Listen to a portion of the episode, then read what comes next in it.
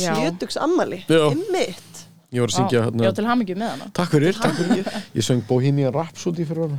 Oh my Ok, god. Með texta, texta um hana sko. ok. Þetta, var, Wow, þetta var svona nætur pössunar suð. Svona, Mamma, ég þarnast þín þarf að komast út í kvöld en ég á svo óþæg börn. Mamma, viltu passa þau þau eru alveg hægt að hlýða mér. Mamma, ú, er það allt í læ að ég sæki þau svo kannski seint á morgun? Ekkert mál, ekkert mál. Vá, hvað er gott. Áttu með þau hinga Þetta var alveg geðveikt gaman sko. Það er líka Vá. svo mikið tilfinningarlega afstæða bara í þessu yfir já, Svo er hún veðurfræðingur sko, hann að þetta kom Ok. óperukablið kom Ég skinja lægð sem nálgast nú landskafrenning, skafrenning og gula við vörun eldingar og stórrið, útsinningur netjuski, skikni ágætt skikni ágætt, skikni ágætt, skikni ágætt austurlanda glettingi, glettingi Ég þarf að fylgjast með öllu sem gerist. Og þarf að fylgjast með öllu sem gerist. Þetta var svo ógislega gaman að gera og, og þessi kablið bara píano og ég bara svona í geðurofi Já, og, já. og fólki fannst, svo, finnst bara að fyndi þannig að þú þarft að basa, ég hef fenginn og fenginn og þú þarft að basa, ég hef, ég hef fenginn og fenginn og ég hef fenginn og fenginn og fenginn, fenginn og og þá bara svona, ha, og þá byrjaði fólk bara eitthvað að klappa og við eitthvað, nei, nei, nei, no, no, no, no, no. Fyrir um það byll 25 árum, pluss mínus upp og niður nokkur ár til og frá, fættust tvær litlar stelpur á landspítalunum í Reykjavík sem eru nú sestar hér fyrir framann tvo litla mikrafóna sem senda rattir þeirra á vangaveltur ragleiðis í sætu litlu eirun þín, kæri homo sapiens.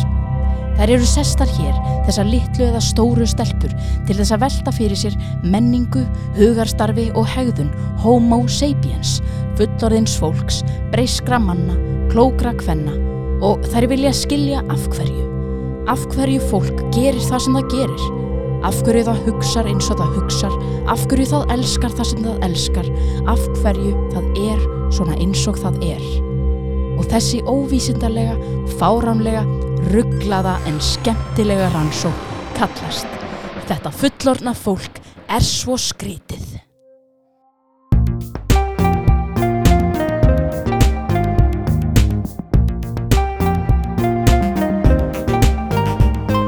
Þú ert að hlusta á hlaðvarpið Þetta fullorna fólk er svo skrítið með Önnulísu og Björk á útvarpi 101 Gestur þáttarins er Ari Eldjárn grínisti og við ætlum að tala við hann um grín, glens, sög, sketsa, hlátur, já, já, já, já, já.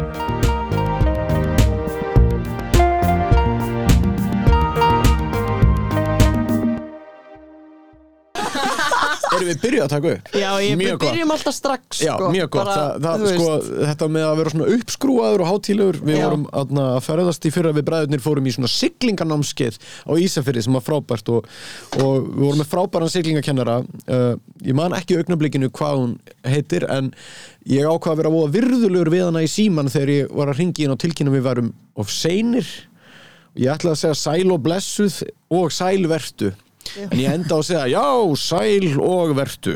Og við erum hér á leiðinni og ég tók ekkert eftir þessu sko. Þeir hlóðu svo mikið að þessu og þetta var það svona frasa okkar bræðrana. Sæl og vertu. Þetta er svona okkar motto. Sæl og vertu. Með eitthvað engan sens sko. Sko ef að þú myndir ekkert maður búið til köll já, þá væri þetta þetta væri byrjun að því. Fylgið mér. Sæl og, vertu, Segjum það að- saman. já, segjum það saman Sæll. Og Vertu. Vertu Glæsileg, munið að leggja inn á mig allan peningin ykkar. Takk fyrir. Einmitt, sko. Ah, Lilla rugglið Þetta sko. er svo skemmtilegt heiti á þessum þætti. Þetta fullanda fólk er svo skrítið. Mhm. Og ég held að þetta sé bara eitthvað sem að margir tengdu náttúrulega við sem börn út á læginu en, en Mhm. mér, mér fannst líka þegar ég var í mentaskóla mjög skrítið hvað maður þurfti að gera alltaf að verða fullónin og ég var mjög hrætt hrættur við að útskrifast úr MR til dæmis Já. ég, ég þoldi ekki að vera í mentaskóla ég lærði aldrei heima og mér leittist en ég, mér fannst bara svo miklu verið tilhugsun að vera útskrifaður og vera komin út á hinn alvöru vinnumarka og þá man, ég var alltaf að hugsa svo, svo, svo klárari og þá þarf þetta að vera fullorinn sko. Já. þá þarf þetta að fara að hitta mennina og þá þarf þetta að fara að læra og þá þarf þetta að fá þau góða vinnu og, og ég fekk svona lamandi þunglindistilfinningu alltaf því ég hugsaði um bara, er þetta bara þannig? Já. Er það bara þannig að vera fullorinn? maður þarf bara að fara að hitta mennina vera duglegur, ekki koma á seint, þá horfa allir á þig Já. og, og svo bara ferðu gullur þú ert sjötugur og ég man eftir ég horfði á skets í svínasúpunni svona 2003 sem, sem fokkaði alveg í mér og það var sem sagt sketsa sem að svepp er einhver gaur sem er alltaf bara að grilla og fer aldrei neitt og er bara alltaf heima að grilla á mótnana en Öddi leikur svona straight man sem er bara, góðan daginn, ég er bara að fyrir vinnuna. Og hann er eitthvað, ég ætti ekki bara að fara að grill. Nei, ég, ég er að fyrir vinnuna sko, ég er að fara að vinna. Og ég man að Öddi sko, mér fannst, mér fannst svo átakanlegt. Personan sem leik, hann leik var bara þetta er bara, svona er bara Já, venjuleg svona er að vera fullorðin hann má ekki vera heima að Já. grilla á mótnana hann verður að fara að vinna. Já. þetta er atrið sem hefur alltaf setið í mér. Þannig þú valdi bara alltaf að leiða lífinu. Já, Bara hafa gaman já, já, reyna það allavega. já. já, reyna Reyna. það maður náttúrulega finnur alltaf leið til að breyta öllu í vinnu en þarna, Já, já, en já, Já, við þekkjum það nú já, já, Óvart. Já, Vinskapurinn alltaf eitthvað Og næsta verkefni. Já. já, ég á marga svona ég á marga svona vinna sem voru okkur dottið í hug eitthvað verkefni til að vinna saman til að treysta vináttuna sem fattar maður, heyru, við verðum að gera eitthvað annað en að vinna saman líka, við verðum að hittast og, og ekki Já. fara að skipulegja neitt sko. Einmitt. Já, Það, það ge- það gengur oft ekki vel. Nei, það, Svo komið eitthvað nýtt sko. það er bara- það er bara svo gaman að segja já og, Já. svo ætlum við að gera þetta. Já. nákvæmlega, nákvæmlega. Við erum þannig, við bræðurnir, við, erum alltaf, við þurfum alltaf að vera að gera eitthvað, við vorum að skipulegja, við vorum með ammali svislu fyrir mömmu í gær, uh, 70 ára ammali og við þurftum endilega náttúrulega að hafa myndasýningu og við þurftum að hafa tónlistaratriði og við þurftum að hafa uh, ræður og þú veist, þetta var bara svona rosa metnaðfullt og það þurfti að búa til köku með veðurkorti sem mamma teiknaði þegar hún vann á veðurstofunni. Vá. Við urðum að hafa þetta allt rosalega skemmtilegt og það er bara það er eitthvað við að vera svona einmitt, en við vorum í raun bara að vinna alveg svo brjálæðingar Já. að gera þetta. en okkur finnst þetta ekki vera að vinna því að þetta er, þetta Þetta er, er að eitthvað skilgreina þetta sem skemmtilegt Já, sko. einmitt, einmitt. Og við Halldór bróðum minn, hann sagði sko, við tveir komum mörgu í verk sko saman en eiginlega engu í verk sko í sikkverulegi og hann sagði ég held sko að samanlagt eru við tveir svona eins og einn sæmilega fungerandi einstaklingur. Svona, svona, svona 80% ánægt Þannig þið eru alltaf að vera svona pakkadýr. Já, við þarfum að vera saman til að, til að gerist eitthvað sko. Vá, ég tengi ókslega mikið við þetta líka sko, að að vera með einhverjum að vinna þá einhvern veginn að, veist, að hafa, þá getur maður haft gaman á sama tíma og þú veist verið að senda tölvuposta eða eitthvað svona. Nákvæmlega, það er líka bara þegar maður er einn að vinna þá er maður með alveg gríðarlega mikla möguleika á því að breyta sér í flöskuháls. Mm. og ég er mikill bremsumadur ef ég er einn, ég er svona, já, heyrðu, við ekki aðeins að pæla í þessu? Nei, heyrðu, ég er ekki alveg viss með þetta. Já, þetta getur orðið mistök, nú Mm. förum okkur, förum okkur en ef það eru tveir þá er það, já, eða ekki, heyrðu, svo gerum við það bara. Já, Já. svo gerum við það, Já. svo hefnast ekki einu svona helmingurinn að þessu og sumt er bara hreinlega lélegt, en mann er drullu sama því maður deilir ábyrðinni það er svo gaman Já, maður getur að fara að ofugsa sig onni bara eitthvað lítinn litla hólu sko, einn. Já, Það hver, alveg- hver er tilgangurinn með þessu? Já. Á ég að gera þetta? Ég, ég þarf að hugsa þetta eins Já, Vá, ég tengi svo mikið dísa sko. En út af því núna ert þú náttúrulega alltaf einn með uppistand. Þú, það, þú ert ekki með bróðinum á sviður Nei, ekki nema við séum að spila tónlist sko. Já, Við erum oft einmitt. með eitthvað svona tónlist að loka atrið Þá er ég náttúrulega með, með, með þeim á sviðinu og fleirum en, þarna, en neini, maður er einn á sviðinu vissulega að flytja. En það er bara praktíst atrið sko. það er bara mjög þægilegt að vera einn á sviðinu að flytja þetta. En, en allt sem ég sem og svona þetta er allt meir og minn eitthvað sem maður er að semja með öðrum þó þess ekki nema bara að tala við einhvern annan. Þannig að þú veist, maður er alltaf að reyna að láta veist, ég reyna alltaf að láta Lindu hlæja konuna mína og, og, hana, og þá bræður mína líka og svo einhver svona vinahópur þetta er svona, ég ætla að prófa þetta þessum, ég ætla að prófa þetta þessum og Já, svo farið ábendingar og svo farið einhverja punktari þú mátt þeirri segðu þetta, já takk, takk, takk og þetta er rosalegt samstarf í raun sko. en ég tek alltaf skýrt fram sko. það eru mjög margir sem semja með mér en, en ég á höfundaréttin alltaf, alltaf að stoppa fólk af þetta er ég, ég á þetta þetta er mitt Nei, en hvað, maður getur ekki sami brandarann sem hafa einhvern til að sko bara hlusta á hann sko. það, er, Nei, nákvæmlega. það er, og ég er ekki svona eins og einhver brandara sérfæraðingur sem segir, já, nei, hörðu, ég er, ég er með þarna doktorsgráðu í húmor um, þetta er fyndið svona, treystu mér. Veist, ég veit ekkert hvað virkar, ég þarf að prófa það og Já, Þetta er svona eins og Tesla og Edison. Tesla var einhver snillingur sem bara svona hmm, settist nýr og reiknaði eitthvað út og svo bara gekk allt upp. Edison var bara einhver svona prófaði þetta, bara skipaði fólki. Notaði þetta, það virkaði ekki, það fyrir engin heim. Þið þurfum að finna upp ljósafyruna. Og bara, uh, og bara prófa aftur og aftur og svo bara, ég er snillingur. Og allir bara, Edison kallinn. Ég, ég, ég er eins og Edison. Bara prófa, prófa, prófa. Mér líður eins og sko, Tesla og Edison séu oft í batlinn í haustum á mér. Já. Ég eigi þess að tvo litlu kalla sem er svona talandi skiptis. Einn er eitthvað, já, já, flott, flott. Og hinn er eitthvað, nei, áfram Þetta Oh sé svona baróta tveggja Þetta er ógeðslega gott sko líka um þetta þarna, skilgreina þessar hliðar á persónuleikanum sínum sem bara einhverja litla kalla sko. Já. Ég hef oft talað um að sé sko þarna, svona ríkistjórn í haustum og stjórnaranstaða já, og, og það er alltaf að skiptast á að deila og að, að stjórna sko. Það er rosalega mismunandi hvað er óásættanlegt og hvað er ásættanlegt sko. og, og kvíðin sko, hann er svona, hann er svona populista stjórnmálaflokkur Mm. kvíðin er svona ótta stjórnmálamaður sem er bara, þú skal hafa ágjörð þessu sko já og, og ef ég fæ að stjórna þá þarf þetta ekki að ágjöra þessu sko. en þetta er mjög hættulegt Já. og það er svona Vá. sama hvað það er bara, það, bara, það skiptir engum áli hvað kemur það er bara, já já þetta er nú er eins gott að þú leiður mér að taka yfir sko. að ég sé hvað þetta er hættulegt þegið þú sáðu þið hérna myndina Luca, hérna teiknimyndina Nei. hún er frábær, við náttúrulega horfum á alla Disney myndir með krökkunum og Já. með stelpunum og Luka þar er strákur hann þórar ekki alveg svona að taka stökkið. Hann á að tak- stökka á hjóli og af einhverjum klett og eitthvað. Og þeir eru ítalskir og hann segir við hann sko, tilfinningi sem þú færið sem að segja þér að stoppa. Uh, það kallaði hana bara Bruno. Bara það er bara Bruno bara, og segðu Silenzio Bruno. Silenzio Bruno. Þegar þið bara þegið þú kvíði það er alltaf eitthvað þema í þessum Disney myndum það er Bruno í mörgum myndunum. Já, Já, já, já. einmitt, einmitt. Einmitt. þetta er, þetta er gott slókan Já. Silenzio Bruno. Silencio Bruno. og, gera með hendinni bara, ó guð, á ég þóra stíg og svið. Silenzio Bruno. Já. bara, þegiðu Snúa baki smá stundi aðeins, ég er aðeins að upplifa kvíða. Já. Silencio Bruno. Hann er búinn að missa það. Þetta er búið. Já, ég er minn. Þetta er búið. Hvað? Æ, æ, æ En hérna, já, eh, sko út af því nú ætlum við að tala eins um mitt uppistands uppistandspælingar og svona. Já, og grín, kannski. Uh, Já, eins og þú veist að tala um á þann titilin á þættinum, sko. Við setjum okkur svolítið svona í einhvers konar barnslega einlægni þegar við erum hér og spyr, erum alltaf að spyrja bara svona af hverju um alls konar ég er aldrei svanur að svara því. Dóttir mín yngri er á akkugu tímambil Já, akkugu. akkugu bara þegar við erum bara að fara þangað. Akkugu, því að við viljum ekki vera heima. Akkugu því við ætlum að keira til afaðum akkugu, því við nennum ekki að labba. Akkugu, því það er bara þannig. Já, ó, en Þetta já. ó í lókin sko. Lætur þetta þig ekki hugsa svolítið? heldur betur. Þetta er Já, ógst af hverju er ég það? Þetta er ógst lofald, ég veit af hverju vil ég fara til að Já, ég nenni ekki að vera heima. Já, Já, nei, þú veist, ég nenni ekki að elda. Alveg rétt. Vegna vil ég fara til.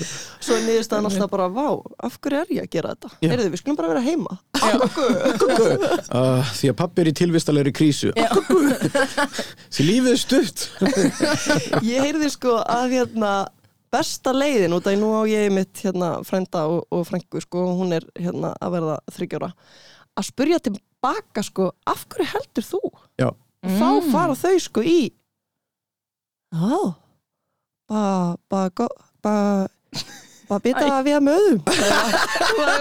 Já, nákvæmlega bara betra að vera með öðrum, þessin erum við að fara. Já, það er sann svo fyndið mitt. Maður hefur stundum svona dotti niður á þetta trikk Svo gleymar því alltaf. Maður er alltaf bara eitthvað í köðlunum Bara að láta buffa sig með akkugu Bara, bara, bara vera, reyna að róta mann. Bara, duf, duf, akkugu, akkugu En ég man líka þegar ég var flugþjóð þá var okkur kent þarna fólk sem eru ofstopað farþegar disruptive passenger sem heitir Hvað sagði? ofstopað farþegar ég er að nota, ég er að nota bransatal. Ofstopað farþegi, ok. disruptive packs. það er að tala við sko fellow flugþjón Ég var að vinna hjá Vá E í fjóra mánuði. Hyrðu, kanntu hérna handshakeið Húlra, húlra, húlra Nei, ok, nei, Við erum að því núna. Ég Þetta er ógæslega flókið. Það er, það hérna, það er svona og, og, Hvað er það að gera? Hvað er, er að gera? Secret hand Og fyrirldið og, og svo What the fuck? Saga Boutique, já. Ú, já, einmitt Já. Vá. Þetta er leinifélag sem við erum í. Við erum sagt, þarna, Ég vildi sem sagt bjóða mig fram í stjórn flugfröðufélags Íslands og var með það eina stefnumál að breyta því úr flugfreyja í hérna flugliði mm því að strákum fór fjölgaldi og, og við vildum að félagið er kallað félag íslenskra flug, flugliða sem að væri þá hérna FIFL og þessi hérna upp á stunga fekk ekki hljómgrunn. Því að félagi hétt FFI og þau vildi ekki heita FIBL og Já. þetta var svona þetta var, þetta var ógeðslega skemmtilega jobb og þar voru okkur kent svo mikið hvað flugfræði er og þetta er í grunninn sko var þetta jobb fundið upp til að láta fólki líða vel í flugi? Því það var svo ræðilegt að fljúa í fyrstu farþegaflugunum. Það voru bara einhverju stólar, körfustólar, engin beltið neitt og ég bara hristist upp og niður. Oh og, og hún var það alltaf jú, þetta er bara 20 og eitthvað, 30 og eitthvað. Og vélinn var bara bara misti allt í hennu hæð bara rosa mikið. Og það sem gerist var að það voru alltaf allir "Aah!" Og þá bara var svona, heyrðu, er ekki fínt að hafa svona eins og hjúgrunafræðing aftur í? Og þetta var vinnutitillin fyrir flugfröður, onboard nurse. Og Nei, aðal, aðal dæmi var bara hérna bara að- passu, bara hugga fólkið og láta þeim líða vel og líka segja þeim, já þetta er allt í lagi þetta er alltaf að gerast, já treysti mér ég vinn hérna Vængurinn er dottin af, þetta er verður allt í já, læg já, það gerist oft, það gerist oft sko, þá er maður bara aðeins lengur og, og þetta, það, það, er- þess vegna var tjópið búið til síðan setna kemur, já, heyrðu, svo kannski getur við kentum að, að nóðiðu lífið og svo alveg setna, heyrðu, var ekki bara fínt að það var þetta hell upp á kaffi líka sko. Já. Já, og það er einhvern veginn halda allir að það sé aldæmi sko. það kemur svona Það á. inn En þar voru okkur kent Vonda þetta kaffið. nákvæmlega Nespresso kaffið sem er þarna í frosturkum pökkum en þar voru okkur kent þetta kill them with kindness. Ef einhver er svona stressaður og er ekki alveg mega þetta þá og kemur kannski fyrir þetta var gjössalega málið sæti er allt og litið og hann er með vant að teppi og hann ég er þeistur og ég er ekki vanur að stjórna ekki öll, öllu í mínu umhverfi. Ég hef höfuð fjölskyldunar og mér líður illa að sitja hér og láta ráðskast með mig. Og þá á maður alltaf að segja já, emmitt, ég, ég heyri, heyri, heyri að þetta til líður ekki nóg vel. Hvað get ég gert til að hjálpa þér. Og þetta er alveg að sama og segja alltaf "Af hverju að þú?" rómin svona, ef maður, þeir eru farin í að öskra sko, ég leti einu svona eitt maður var bara brjálæð ég var bara hvað, já hvað, og byrjaði svona smá að tala Já. geðið og hann svara á móti bara, já, það væri nú gott að gott að fá breytingu á sæti Já, það er að eina. Já. þetta er bara, já, ég vildi helst bara að ég er viðurkendur sem manneskja. Já. takk fyrir að sinna mér, nú er ég með samskupið takk, og það er það sem fólk þarf það er bara smá, hvað get ég gert þér, áttu líka að byggja viðkomandi um að koma upp á stúkuna? Já, já, já. og það er svo holdt fyrir viðkomandi að hætta gaggrín og bara, já, kannski gotta. Já, æ. knús. Það er gott. áttu vatn, já. takk. Þetta er mitt motto í uppístandi sko. ég, hérna, ég er bara, þetta er áframhald af því að vera flugþjótt þú ert bara on board hérna comedian. Ég bara lappa svið, segi fólk eitthvað, já, komið sæl, þetta mun taka 80 mínútur, uh, þið megið sitja kyrr allan tíman, nema þegar ég fyrir að sviðinu, þá megið þið standa upp og pissa og fá ykkur drikki og ég er bara hér til aðstofa ykkur og þetta verður bara voða gaman, er ekki allir í stuði? Glæsilegt, stuði. þetta verður flott, sko, það er góð spá fyrir þessa sýningu. Já, um mitt. Ertu líka með svona fyrir hérna eh, farþegar sem eru að láta þú veist eh, illilega, það er að byrja að öskra með dólg, dólg eða Já, flugdólgur þá þarf maður stundum einmitt- niður. þá þarf maður að teipa niður sko. þá er það svo gott að hafa starfsfólk í salunum sem getur bara, Já. já, nei, nei það væri svo ógeðslega flott að gera það einhver tíma, bara Já. teipa einhvern á sýningunni Já. Þegið þú? Hefur þú lent í mörgum eitthvað svona Nei, fyllibittum? ekki mikið, nei en þú veist, og, ef, ef einhver er orðin ógeðslega fullur kannski, þá byrja kannski bara svona að tala bara Já, já, svona randomli eitthvað og þá er svona fólk í kring sætu já, já. þetta er ekki mikil hefð fyrir því á Íslandi að vera eitthvað svona og ha, og hvað sagði hún þá? það er ekki Nei, mikið nei. verið að svona reyna að Nei. grilla mann úr salnum sko. Nei, um Nei. mitt Ég lendi um daginn, sko, í, Í í Tjarnabíói, þá var Pétur Jóhann með uppstand, ég var að vinna á því sem tæknumæður Já. og hérna, þá var maður sem var alveg bara sósaður á því, sko, með vodkaflösku innan sér. Og sko það enda með því að áhorfendur voru bara, ok, farðu út, skilur, og það þurfti bara að taka hann út. En það, þetta hefur aldrei stóra áður. vodkaflösku inn á sér Já, og við vissum ekkert hvað áttum að gera því að það er, þetta verður aldrei gerst í tjárnbjó það er enginn að það sem er eitthvað að vinna fyrir Nei. að henda fólki út. Á sko stærri viðbörðum þar eru oft svona uh, stórir kallar. Já. ráðnir, svona öryggisverðir eða eru svona frægar popstjörnur Einmitt. þeir eru svona tilbúinir sko ef einhvern til bara ætlar að fara bak svo bara, að neða máttu ekki fara. hana Já, og þeir geta hent fólki út en svona venjulegt grínistinn og eitthvað fólk sem er að vinna í, teatrinu er mjög ólíklegt að þau sé að fara að henda einhverjum út sko. Mm, einmitt, sko. þarf bara að ráðin einhvern ætsu, einhvern gaur bara sem Já, vinnur við það það var sko. enda hérna ein stelpa sem vann í, í þjóðleikúsinu sem var, var daldið góð í þessu sko. hún, hún var daldið hörð sko. hún hérna fó bara ef einhver var með rosalegt vesinn herru, ég bara varaði við núna sko. uh, ég mun bara láta þig fara ef, ef þú hættir ekki. Þessi ætti að vera ráðan til Æslandir já, hún var alveg ógeðslega flinkið þessu. Já. ég held að eina skipti sem einhver var hend út af síningu í okkur, þá var það hún sem var hend hún bara fyllir mitt að hann var svo hrættur við hann. Bara fara út, það er líka síninguna við tekinn hafa eitthvað fyrir ekki að bara gera með fýbli sko kallið já, einmitt. já, þarna, þetta sem við sem með Pétur Jóhann, ég hef verið heppinn að sleppa við þetta en ég Já. hef einu sinni lent í þessu Já, uh, í Edinborg það var eitthvað par sem mætti og satt fremst Mm. eða svona framalega og voru greinilega ekkert að hlusta nei. voru bara að tala og svo voru þau bara í hórrandi sleik allan tíman sko. oh my god voru rosa mikið að tröfla, þetta er fyrir lítill klúpur Já, og þetta voru alveg góða tíu mínútur sem að fóru bara í ræsið hjá mér út af því að það bara var svo mikil tröflun að þeim sko. voru þau fremst bara í sleik? Svo- út úr tattuverið og þau voru held ég út úr kókuð líka sko. þau Já. voru á dópi, alveg pottið og einhverju tímpöndi þá stoppaði ég bara sýninguna og tæknimaður minn var ekki einu sinni inn í salunum því hann var að, hann var að tekka sko, þrjár sýningar í einu þannig að hann setti bara í gang, passaði að vera ekki feedback á mikrofónunum og svo bara fór hann þannig ég var einn og svo var ég bara með hundra manns og ég ákvað bara, heyrðu, ég verð eiginlega bara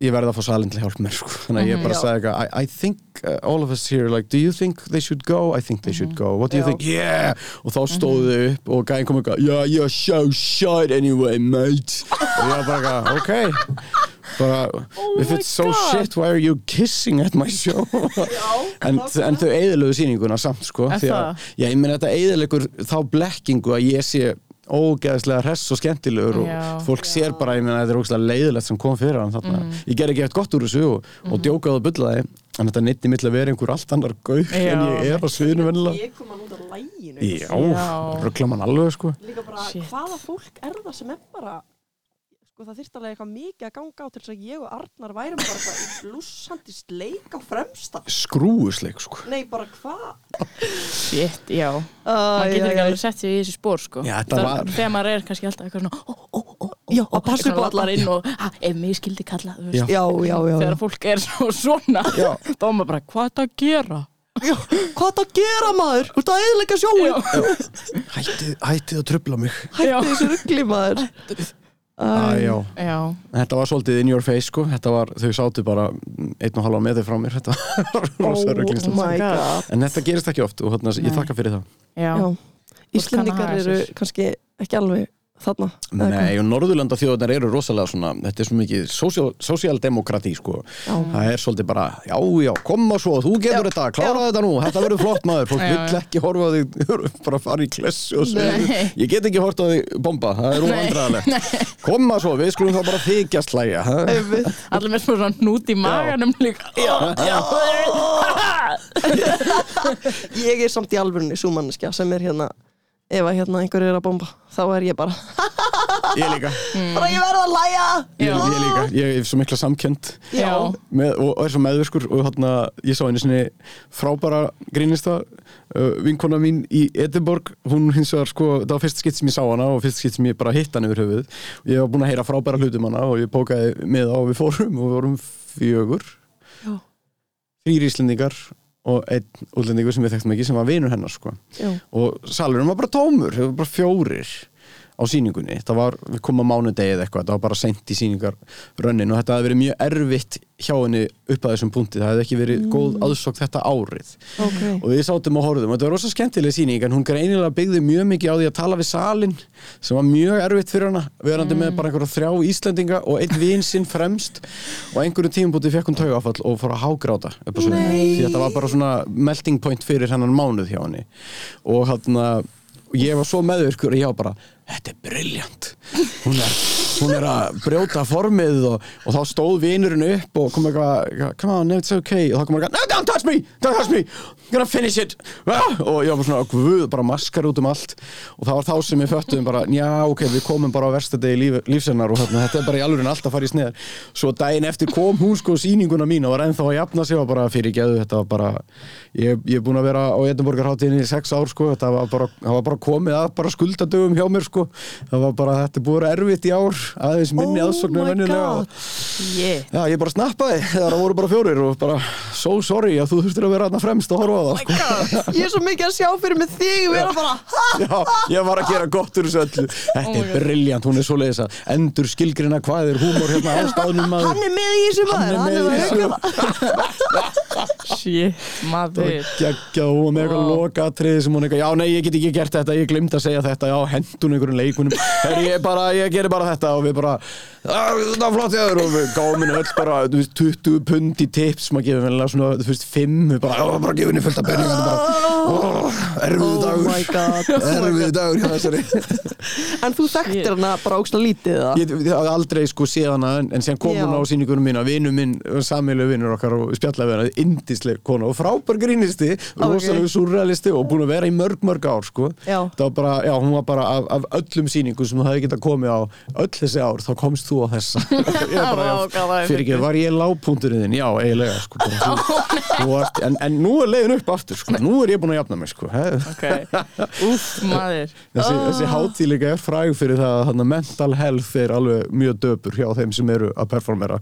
Því að þú ert þarna í mánuð og hugsaður ekki um annað en bara hvernig gengur, hvernig gengur mér, hvernig gengur er einhver að koma, er uppselt, er ég að fara að fá Oh dóma? Og ég fekk ekki nógu góðan dóm. Og það er ekki nógu margir, ó, fuck, það er einhver í sleik á síningur djúvill, að, nei, ég ætla að fara að hrinni í það núna maður. Og, og eftir svona tvær, þrjá vikur er allir konum með flensu sem heitir the fringe flu því það smita allir konar annar af, af mikrofónunum sko.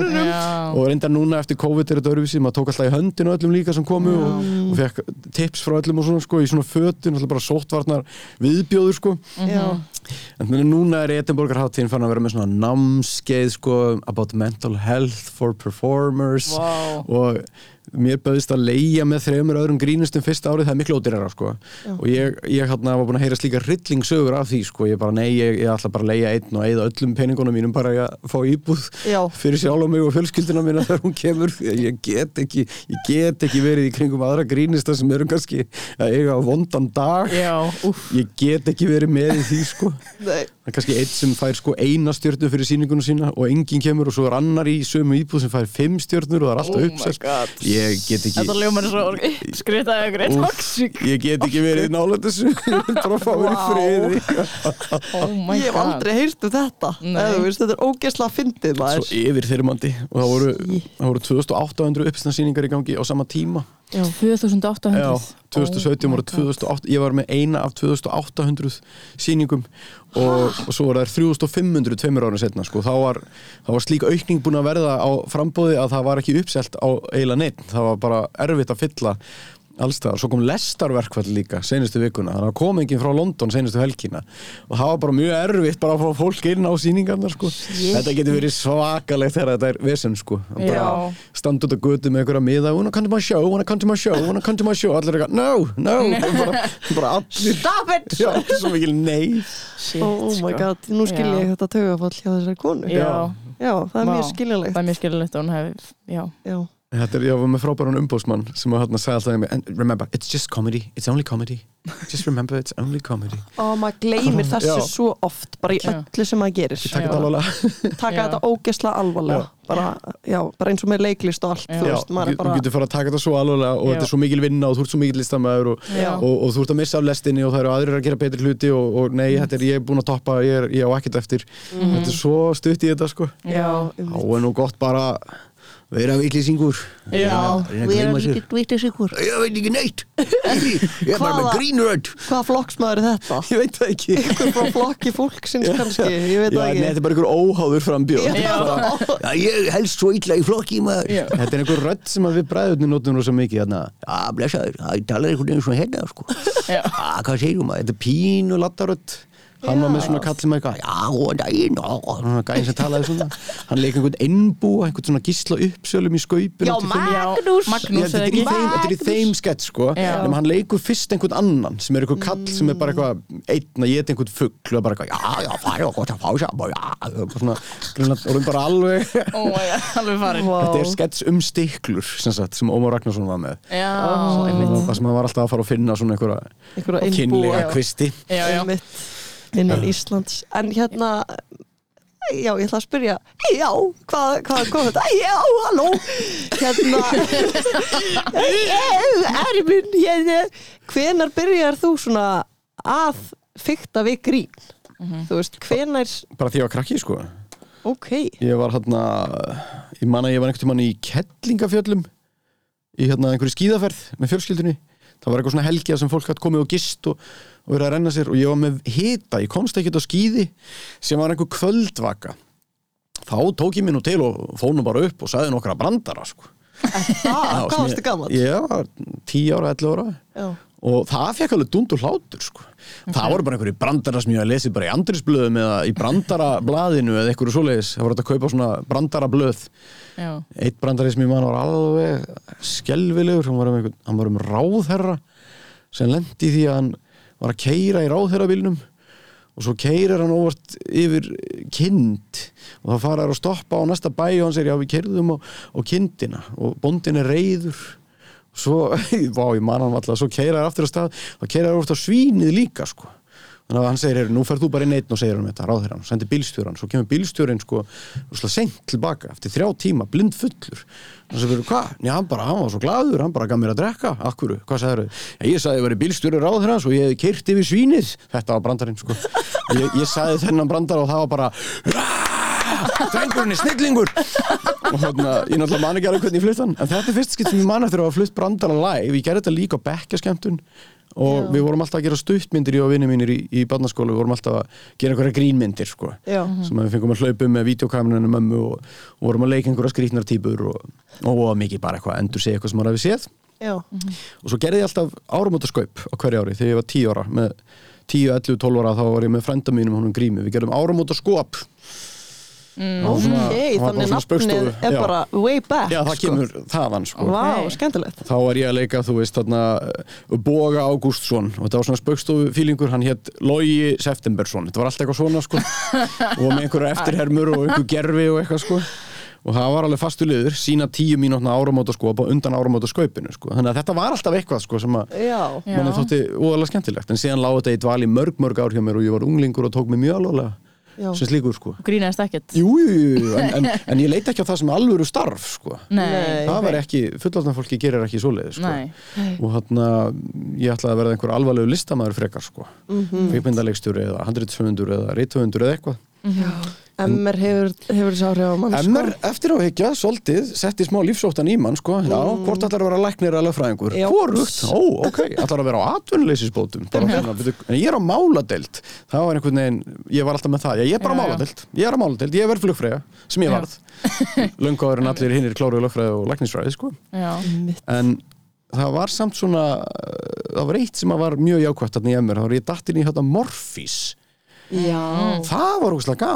í MR, það var ógustlega fyndið og skemmtilegt það var ógustlega mikill flipstuðl á, á þeirri keppni sko. Einmitt. við vorum alltaf að keppa um eitthvað bull eitthvað á að draga Ísland suður á bógin við eitthvað með.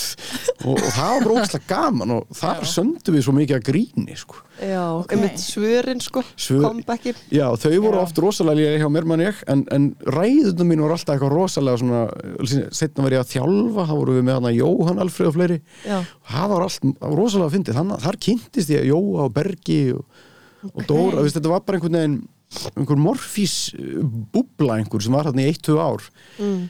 og það var alveg heilt bytt manni sem ég notaði setni uppistandi sem ég skrifaði einhverja ræðu í, í morfískeppni sem var hérna um, um orðið kviðmáur, það kom allt úr einhverju gamalli morfísræðu sem ég skrifaði. Ok.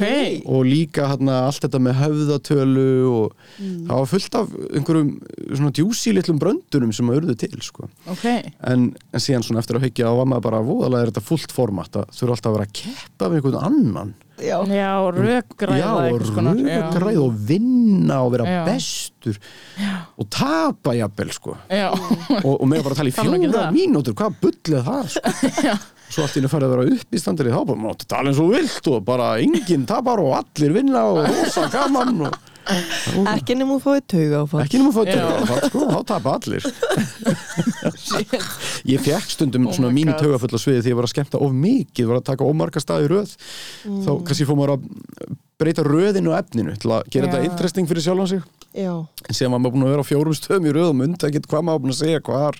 Og þá var maður alltaf að fá deja vu þegar maður var að segja brandara. Ég var ég að segja þetta rétt á þann er, ég- Já, er ég að segja þetta síðan bara fyrir Já. fimm mínútum eða í gær eða var það í Já, gær já. eða var það bara fyrir hálftíma?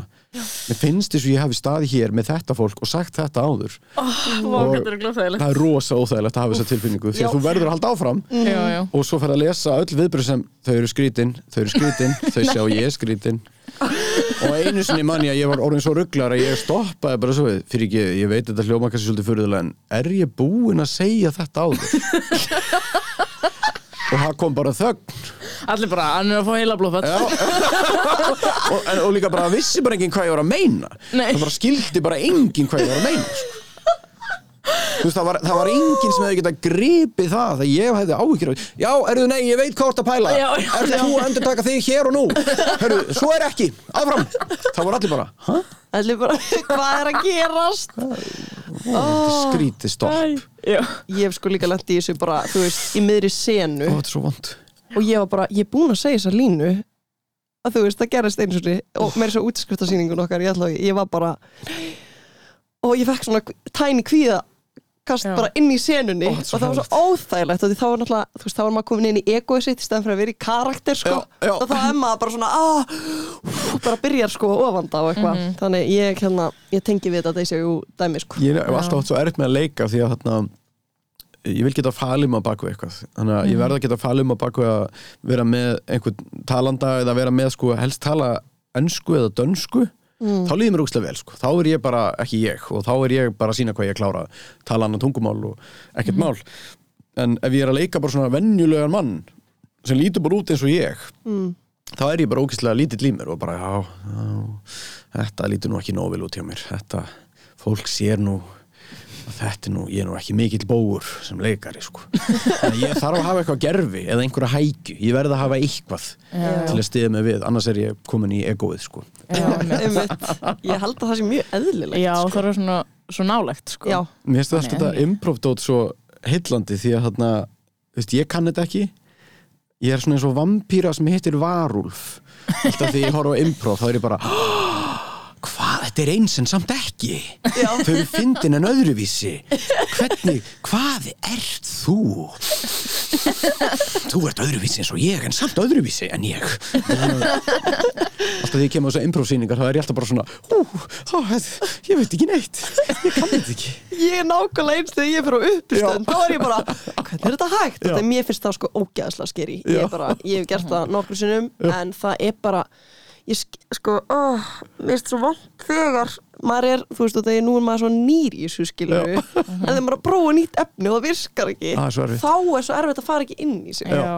Þannig er þú veist, alveg- hvað er þitt trygg skilur, hvað Guð, ég hérna, hafði alltaf það fyrir sig að annars lagið myndi ég bara hafa eina tilraunarsýningu það sem er bara allt nýtt. Já, og svo komst ég mjög fljótlega því að það er allt og mikil pressa þannig að ég segi bara, ég prófa nýtt efni í sýningunni en ég tek eitthvað sem ég kann líka því ég verða að gefa hann góðan hérna í restina sko. ég get ekki bara að láta þetta fjara út því þetta verður alltaf verra og verra eftir því sem þú prófa meira og meira sko. já, já, og það Og- fer alltaf meira og meira inn í. Þú veist, þessi virka ekki heldur. Já, Ó, þessi virka ekki heldur. rosa höfnun í gangi sko. Ó, hvernig get ég lifað eftir þennan dag? Og maður líka bara, þú veist, það tekur bara tíma að finna út hvernig getur þú gert eitthvað fyndið. Þó þú sést með einhverja hugmynd, þú bara kannt ekki að koma henni frá þér og segir hana öfugt eða byrjar einhvern veginn, byrjar á vittlusum enda og, og þetta er einmitt bara svolítið eins og hérna, þetta er eins og hérna myndin Airplane, hún er tróðfull af sketsum og það er eitt skets sem er ógeðslega fyndin hérna, sem að er bara ógeðslega stuttur og hann var alveg fimm mínútur sko. en í klippinu þá voru þið bara heyrðu, þetta verð svo mikið hlátur hér sem að enginn átti vona á sko. og hann var bara kliftur þar sko. já, og þetta er, þetta er oft svolítið svona í þessum grínbransa úti er alltaf eitthvað yeah that got the laugh, yeah yeah yeah that got the laugh, þeir eru alltaf að pæla í þessu svona. Þetta Já, fær hláturinn, já. ok, hendu hinnu þetta fekk hlátur, sko. þetta virkar sko. og nú semur eitthvað bit sem á að vera eitthvað svona meistaraverk. Svo prófar það og prófar það og fólk er eitthvað já, já, metnaða fullt. En, en svo er eitthvað annað sem þið fannst vera óttalegt rast sem fær ógeðslega mikið hlátur. Já, ég hef oft landið því, Já, sko. og þá varstu bara, ó, ó, ok, heyrðu bara, hendi hinnu bara, hendi Já, þessu. einmitt. bless, bless, barnið mitt. Og halló, kjör barnið mitt þú veist, það er bara um mitt uh, You gotta Já. kill the other twin. Já. Er það eitthvað Kill the darling, saying? kill the other twin. Allir nota þetta. Prendið þetta á kottavir Halldór bróður minni svo fyndin, hann er alltaf að segja svona segja svona frasa á málsætti vittlust, sérstaklega Já. á ennsku ja, þetta er bara, þetta er bara svona í bransunum bara, you win some, you get some. Bara, þetta er bara, bandvittlust meikar engan sens. Oh my god. Magnús gerir þetta líka sko, hann er bara kæstu minn. Gera hann það viljandi eða Nei, óvart? nei, óvart sko En svo er hann farin að gera það viljandi, hann er bara farin að óna þetta sko. Bítlarnir kölluðu þetta hérna Ringoisms, Ringo var alltaf að segja eitthvað vittlust Já. Yeah, we've been working eight days a week. Og þeir bara, á, notum bara það fyrir lag. Já. og hérna, it's been a hard day's night. Þetta er allt bara eitthvað sem hann sagði bara svona þunnur og sifjaður og þeir bara, ha, hard day's night. Bara hóksla frækt lag hittari, já, Been a hard day's night, ekki hard day's work heldur hard day's night, night. It's a Má ég hard hef ekki day's eins og night. pælt í þessu sko. Þetta er algjör snilt Vá Mistökin. Já, Mistökin. Eru svo góð. Sæll og vertu. Sæll og vertu Sæll og já. Ó, já. Oh my god. Þú ver, hérna bókin getur heitið þetta Já, Það er held, já sæll og vertu. Eða ég get gert þarna misefnaða skástríkstóti sem var þarna Uh, ef þú vilt pulsur þá ert þú heppin skástrík. Mm. það var bæði kynin. Þetta var oft í auglýsingum. Það var gert enn skástrík enn enn maður bara, óla lítur þetta illa út á prent í dag er þetta ekkert reynd, í dag er bara reynd við skulum bara reyna að sneiða hjá kynjum alveg. Já, já. reynum bara að fara í þetta sem bara lítum á þetta sem mannes Bara fólk. já, fólk, Vá. skulum ekki kallar og konur, erum við ekki duglegir að leifa þeim að vera með? Takk, takk fyrir Takk fyrir Takk fyrir að hafa hafa enn og nú líður mér eins og ég geti gett með pulsu líka og því ég er kona. Það hefur stoppað mig í mörg ár. Hvað það? Er alltaf tvö enn oh, We fixed it. We Fixed it. sko Vá. Já, ég fór að pæla sko út frá því að þú varst að tala um hana konuna sem, að, sem bommaði og að þú verið meður að hlæja. Já. Þú varst að tala um aðan þennan með hláturinn. Með hláturinn, já, heyrðu. Af hverju við hlæjum? Viti menn Skvísan fór og hérna uh, Hvað heitir þetta? TED-talkaði sig í gang Já. Og fór að horfa á Why We Laugh Vá, Og hérna Sko ég náttúrulega Það sem þú veist ekki um mig Ari Er að hérna Og hvað það er erfið Á, Það er að klæða sér mjög svona dramatíst úr peysunni. Já, ég, ég mætti lopa pissu Mikið aksjón. Stíkna hérna Sko, nú erum við komin á alvöruna. Það er einhvern að fara á peysunni. Já, ég bara skinjaði þegar bara um leiði heyrið TED Talk þá bara, úf, Ó, Ég nei. þarf að á peysunni, svitna ég. Ó nei, ég þarf að vera klár. ekki, ferð ekki hérna út fyrir var að segja þetta allt. Já, sko, þessi skvísa var hérna í sálfræði í tvö ár. Ó, geggjað. Þannig, ég veit sitt hvað um ímislegt, sko Einmitt, En já, hérna, þá er sem sagt, hún var að segja þessi kona, þessi taugasálfræðingur að við, sko, nátt, sko hlátur er náttúrulega náttúrulegur Já. Við fæðumst og getum byrjað að hlæja Já, En hérna, við erum með lærðan hlátur Við erum með líka. lærðan hlátur líka Ég sem er þetta. sko eitthvað svona það er samfélagslegt Já. að við viljum vera hluti af hópnum Já. og við viljum samþykja manneskuna að þá hlægjum við svona og við lærum mjög fljótt að einmitt fake hlæja. Eins og krakka gerir þetta. Já, þú veist, byrja allt innu eitthvað svona ha ha ha ha eða þú veist. Já, og þau eru að hlæja að einhverju sem ég skilji ekki sko. Já, Já. En þau bara vita að þetta er fyndið, þau skinja rittmann þau Já. vita hér er hlegið. Já. Ég hlæð þannig, hláturinn minn er eiginlega allur. Svona fake. Já, já, það er mjög sjaldan. Þetta er satt sko. Já. Og hérna, og, og, og hérna kona mín er öðruvísir, hún hlæðir bara í alvörunni. Já, og hún er rosalega fín mælistika sko, ef, ef mér tekst að láta hann að hlæja sko. Þá, þá er ég bara, já ok, wow ok, henni finnst, og ég er alltaf impressed sko, með textu, ég er alltaf bara þau tekst þetta. Ah, það var líka alltaf bara mitt eina social skill bara eh, sem bara unglingur sko, það var bara, bara að fyndin sko. Já, Þú veist, þú getur annarkvæmst verið töff eða fyndin og Mm. ég veðjaði svona frekar á að vera fyndin ég reyndi að vera töff þegar ég var í mentaskóla Mhm. en það var bara alltaf betra að vera fyndin sko. Já. það er bara, það er ekkert gaman að vera töff það er bara helvitis vesen sko. Já, þá þarf maður líka að taka sér svo alvarlega Já. sko. Já, og Og- það, það er svo auðvelt á að stinga þig sko. Þá, er- þá er svo auðvelt að þetta af standlinn ógeðslega létt að sláða út á læginu og það er ekki Og- annað en bara að gera grína þér einu sinni og þá er eitthvað, oh, fuck, heyrðu, nei, heyrðu, það er bara best að vera fyndin Já. nákvæmlega. Og það er einhvern veginn bara alltaf ég verð alltaf svo gladur ef einhverju finnst ég fyndin mér er svo gaman að vera viðurkendur þannig sko.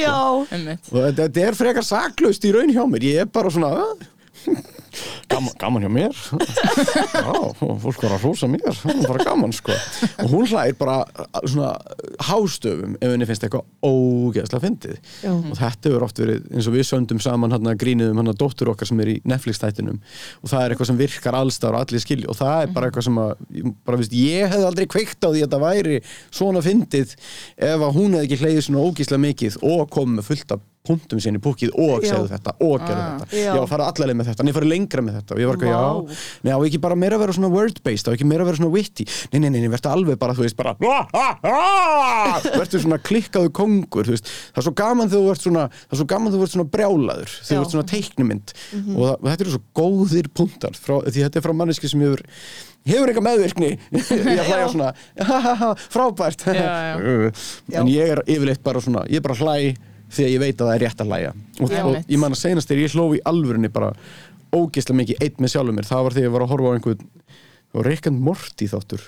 Já, það er einhver, það er einhver karakterir í honum sem eru svona stórir hausar sem eru stærri en plánetur. Og þeir fljúa svona upp á plánetum og öskra á pláneturnar að þær eiga sína þeim það sem þær hafi til. Uh, þeir vilja sem sagt að pláneturnar uh, syngi lag fyrir sig og þeir, þeir já, þetta er, þetta er svo súrt og þetta er mikið kjafta þeir koma alltaf svona upp á plánutinu og segja show me what you got. Og þá bara koma sko, þá koma sko hérna lofslags áhrif þegar þeir gera þetta. Það bara sjórin reyfist og kviknar í hlutum. Show me what you got. Og þeir eru bara ógeðslega heimskir. Og svo spilar Stóru sko, já, og svo spilar lag fyrir þá og þá er eitthvað svona hmm I like what you got.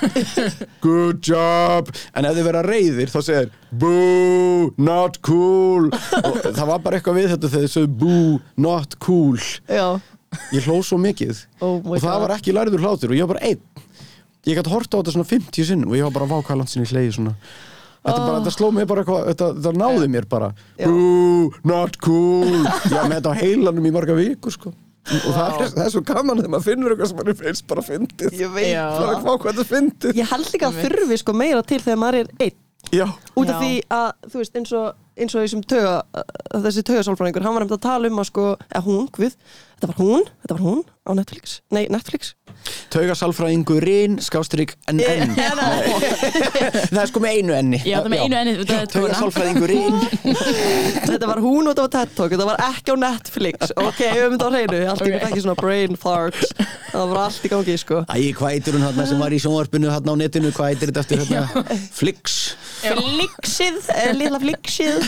Hún var að segja sko í social situations eða svona félags hérna, umhverfi, Já. félagslega umhverfi þá er miklu líklegra að hafið ekki lendið, maður er svona hlæg og maður svona horfi svona er ekki hinn að hlæja líka Já. Það Já, er já. svona, við erum sammála um að Við þetta sem. Vá, við Já. erum hluta hópnum við erum svona mikil hópdýr það þú er maður að skanna já, Já. maður að skanna en þú veist, þegar maður fer virkilega að hlæja einn, þá veit maður eitthvað er ógeðslega fyndið sko. Já, ó, einmitt, það er svo gaman einmitt. Þetta, þetta er náttúrulega líka svona þegar maður er áhorfandi á sýningum já, og mér finnst einmitt oft í uppistand, í uppistandi eða grínsýningum náttúrulega út af því að það er líka þannig byggt upp en bara svona að maður sé að hlæja í einhverjum takti bara. Já, Svona, ha, ha, ha. og svo er þau maður skinjar svo koma núna. ha, ha, ha. Já, þetta er bara svona alltaf ég horfði á heila sýningu á finnsku einu sinni Já. og byrjaði bara að skinja bara að þetta er pönslínan þetta er bildöppið og ég bara, ég skildi ekki orð sko. Nei, ég skildi eitt orð. Það eru svona örfa orð sem eru eins á íslensku og finnsku. Þá bara, milur ég bara gæta þetta byrjaði að illari, hann heit illari gærin sem þið voru að rosta og hann var ah, ah, hún er þetta illari da, ah, ah. var þetta rungari og ég bara, wow, ok þetta, ok, ég skildi þetta og svo fór ég að skoða það eru örfa orð sem eru alveg eins á Vá. íslensku Vá. málari meistari, múrari meistari Bergur bendi mér á það Alltaf Þessi Ari Já, mjög mikið endur á Ari, einmitt, sko, Ari. og Ari finnst nafn líka sko. ok, þetta var mest svo fyndið bara ég var alveg farin að hlæja með bara og þetta var allt bara nugganen, begganen bara skildi ekki orð Ég held að það sé svona ultimate meðvirknin í Já. að vera að hlæja að einhverju sem það veit bara ekkert hvað er að gerast Fred- það er Fred Armisen kom á mið Ísland og hann, hérna, hann var að taka þátt hérna, Vítu nú, Fred Armisen. Hérna sem var í Portlandia grínleikarinn og var í Saturday Night Live. Vítu nú, ég hann var er ekki að vita þetta hann er alveg stórkostlegur. Hann, hann, hann leiki, hann Anchorman hann leiki gaurinn sem byður Ron Burgundy að spila á jazzflötuna uh, Ladies and gentlemen, who here want to be here uh, Ron Burgundy play the jazzflute og hann er, hann er svona Já, meistara þessi. eftirherma. Já, já, já, já. Og, og rosalega uh, fyndinn. Já, oh my god. Hann gerði nú eitt fyndnasta skett sem ég séð sem er hann all pönkljómsveitin sem spilar í brúðköpsvislunni þetta er svona pappi brúðarinnar er eitthvað svona oh, sorry I'm gonna get the old guys together here. Og þeir eru allir svona algjöri pappar Dave Grohl leikur trommaran, Ashton Kutcher leikur gítaleikaran, Bill Hader er bassaleikarin og þeir eru allir eitthvað svona oh, oh this thing got heavier? Svona, og þeir eru allir eitthvað svona yeah, you know rock and roll never dies. Nothing, it doesn't age. Og þá segir Dave Grohl eitthvað unlike my prostate. Og þeir var allir að þetta svona pappabrandarar svo byrja þeir eitthvað ok Tammy, I hope daddy doesn't make a fool of himself here and uh, all my love. Og svo byrja leið, þá er þetta bara gumul pönkljósit og þeir bara eitthvað "Tra-tom-tom, brjóta öll glösin. Og leið heitir hérna fist fight in a parking lot kemur eitthvað svona langur talkabli um Ronald Reagan allt einhverju svona stjórnmálamenn sem eru löngu hættir og dánir. Það er Oh my fyndið God. atriði. þessi sagt, hann var að taka upp mockumentary ná þættina og það af Íslandingur sem leki í einum þættinum. Hann var Ok. tekinu upp hér á Íslandi.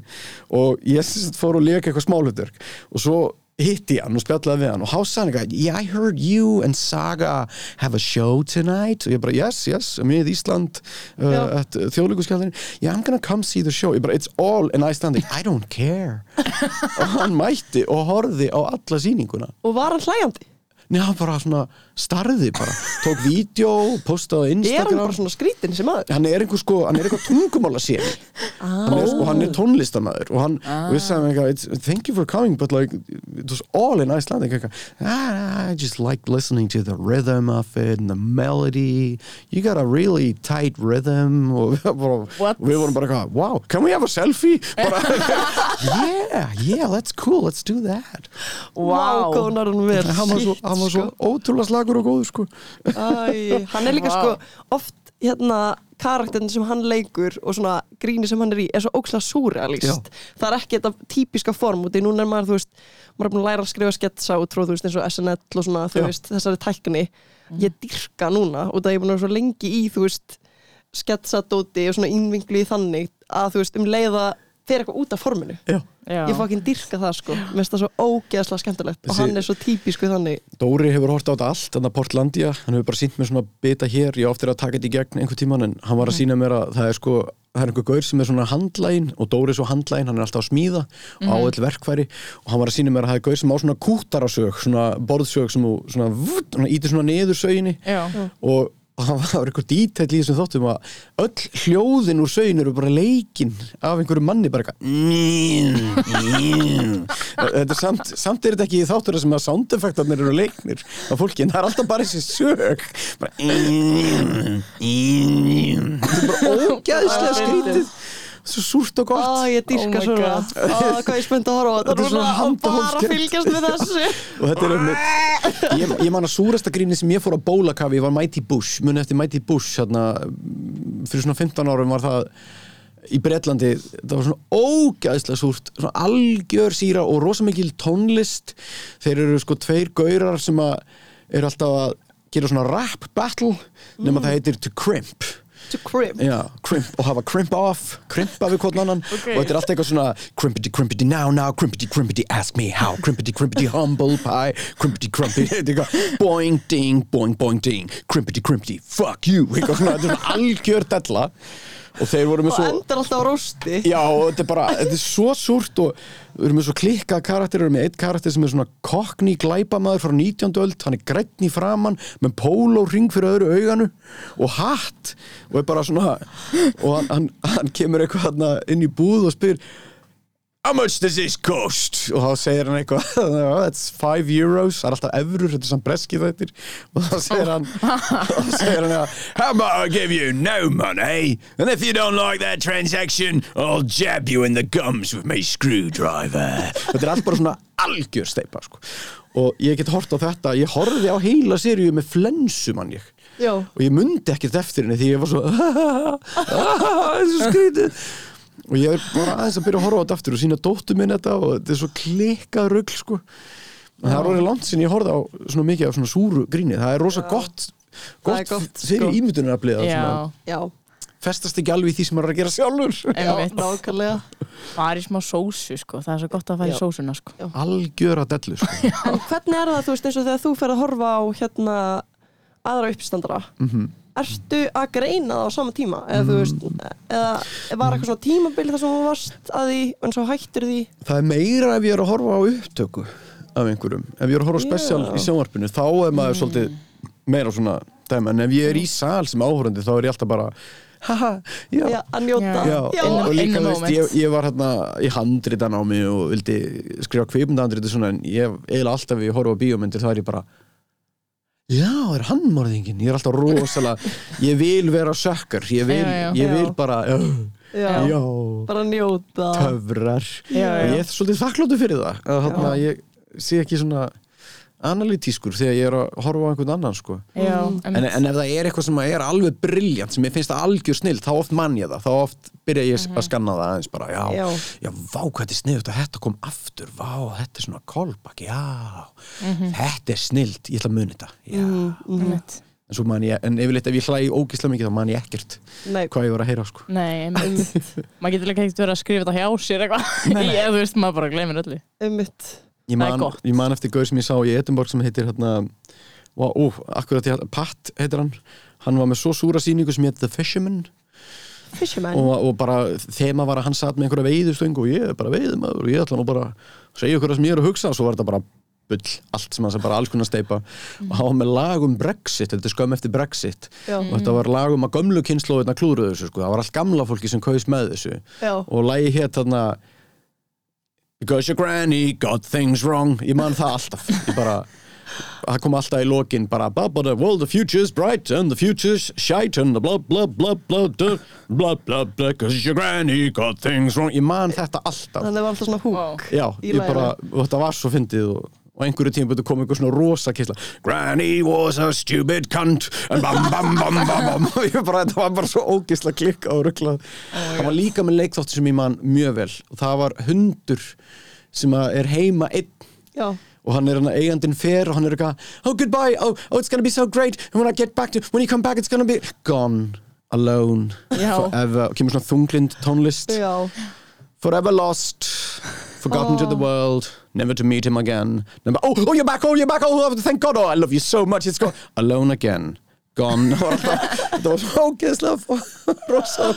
Þetta man ég, en ég man ekkert annað úr sýningunni. Ég, Nei, sko, mér er svona dark humor hjá hérna Brytum vera the best, sko. Já, þeir eru svo, Það er svo, svo gott, sko. þeir eru svo þurrir og, Já, og kaldaðinir og svo vonlust að rósa þeim líka. Ég var alltaf á rósunum fyrir sýninguna og bara, þetta er bara að finnast sem ég sé og hann bara eitthvað oh, oh, thank you. Mm, bara, wow, hvað hvað hva vilt þú? Bara svona held kannski að vera kaltaðin eða eitthvað. Að reyna að selja mér eitthvað? Er þetta eitthvað scam? Og hann bara, hann fannst þetta svo ég var bara, nei, ég er bara ég er bara svona einfaldur gaur. Ég er bara að hlæja svo mikið. Sessi mættur aftur. Ég var, það var gaman hjá síningunni maður. Það var bara húast með brandar um maður og þetta var ekki Hann er svolítið lítill þessi. Já, hann er lítið flottur sko. Hann á heima í hausnum. Já, þetta er að hittast og fá okkur eitt bjór og segja ykkur að brandara þetta er bara gaman sko, þetta er svona jákaða gæði sko. Já, þetta er svona pólitíkusar hækjan eins og leshækjan nema þetta er pólitíkus hækjan Mitt, en sko já. Hvað er, þú veist, af hverju er fyndið að gera grínað? mm, Ég pæli þessu sko. Af hverju reymar svo fyndnir? Veit það ekki. Ó, Ég held bara Ég held að fólki finnist eftirhermur fyndnar því að þær Já. eru bara smá eins og að horfa á skiknilýsingu Mm. Það er bara, ó, hingað er bara komin Einmitt. annar aðili sem talar í gegnum hilkið sem er miðullinn. Já, já, það, er- það er bara galdrabræð sko. Já, ég elska að horfa á eftirhermur það er bara, ég hérna Eithor Ingi er held ég bara einhver flinkasta eftirherma sem ég séð Einmitt. það er bara störlun að horfa á sumar eftirhermunar og hann vippar þeim bara svona út sem bara svona auka skrauti og hann á mjög góðar sögur sko. Hann, getur leikið rakka bjarna og ekkert eitthvað sem eitthvað karakter, hann er bara alveg eins hann er alveg eins. Ég hef ekki séð þetta sko. Nei, þetta er, er bara, þetta er bara svakalett þannig að ég veit að eftirhermur hafa rosalega áhrif og ég mitt upp í stand byrjaði það var alltaf Bubba Mortens sirpa í lokin sem var bara eftirhermur sem ég var búin að dúlla við bara í mörg ár og hefði bara átt inn í einhverjum partíum bara, mm -hmm. Ari, hann getur þú sungið blóðið raukt, það er svo fyndið. Og ég bara, á ég syng það. Bara lag sem ekkert allir þekkja sko, en bara bara fólki fannst það bara alltaf ógeðsla fyndið. Ég er bara eitthvað syngja blóðið raukt af plötunni geislavirkir með utangarsmönnum Í ykkur partí. Já. Bara, ég ég var að gleyma einu eitthvað Leigubílstjórar á miðnesheiði liggja Tína egg, haft og láft Ökkuð allt í einu Það er miðað á þó byssu og sagt I'm sorry en þetta nær ekki nokkri áft og þetta bara ha ha ha og ég bara ok, þetta virkar Já. That got the laugh og, Já. og sapna maður Þetta saman er samt ótrúlegt sko Nei, er út af því ótrúlegt. þú veist, núna er maður þú veist, leikari og maður er alltaf að reyna að finna leið til þess að, þú veist, fara frá sjálfum sér en Já. samt vera sami Mhm. þannig bara að sjá því gera þetta maður fær bara eitthvað svona, oh my god. Það er svo Já. gaman er líka að með líka sko eftir það eru ofta ekkert eins sem að hlusta saman röddina og svona, þess vegna er Eithor engi svo ótrúlega því hann, hann er nákvæmlega eins og Raki Bjarnar til dæmis, bara nákvæmlega eins. En hann getur leikið, hann getur leikið svona 50 manns bara virkilega vel. En oft er þetta bara að ná einhverjum einum essens í karakternum alltaf Já, því ég leik bubba þá læti ég hann bara vera svolítið sko, sko ég er bara, ég er mjög lífsreindur ég er búinn að sjá margt ég er með visku, ég get miðla til því ég get hjálpað þér. Þetta er afstæðan sem ég læt hann alltaf vera með sko. en sko, Já. talandinn já, þú veist, hvað gerur já, já þetta er, það er eitthvað sem ég gerir með tunguna. Það er, eitthvað, það er eitthvað sem er hér. Ég er með blásið S svo Já. mér sagt. Þannig að S-i mitt er, það er ekki alveg hreint.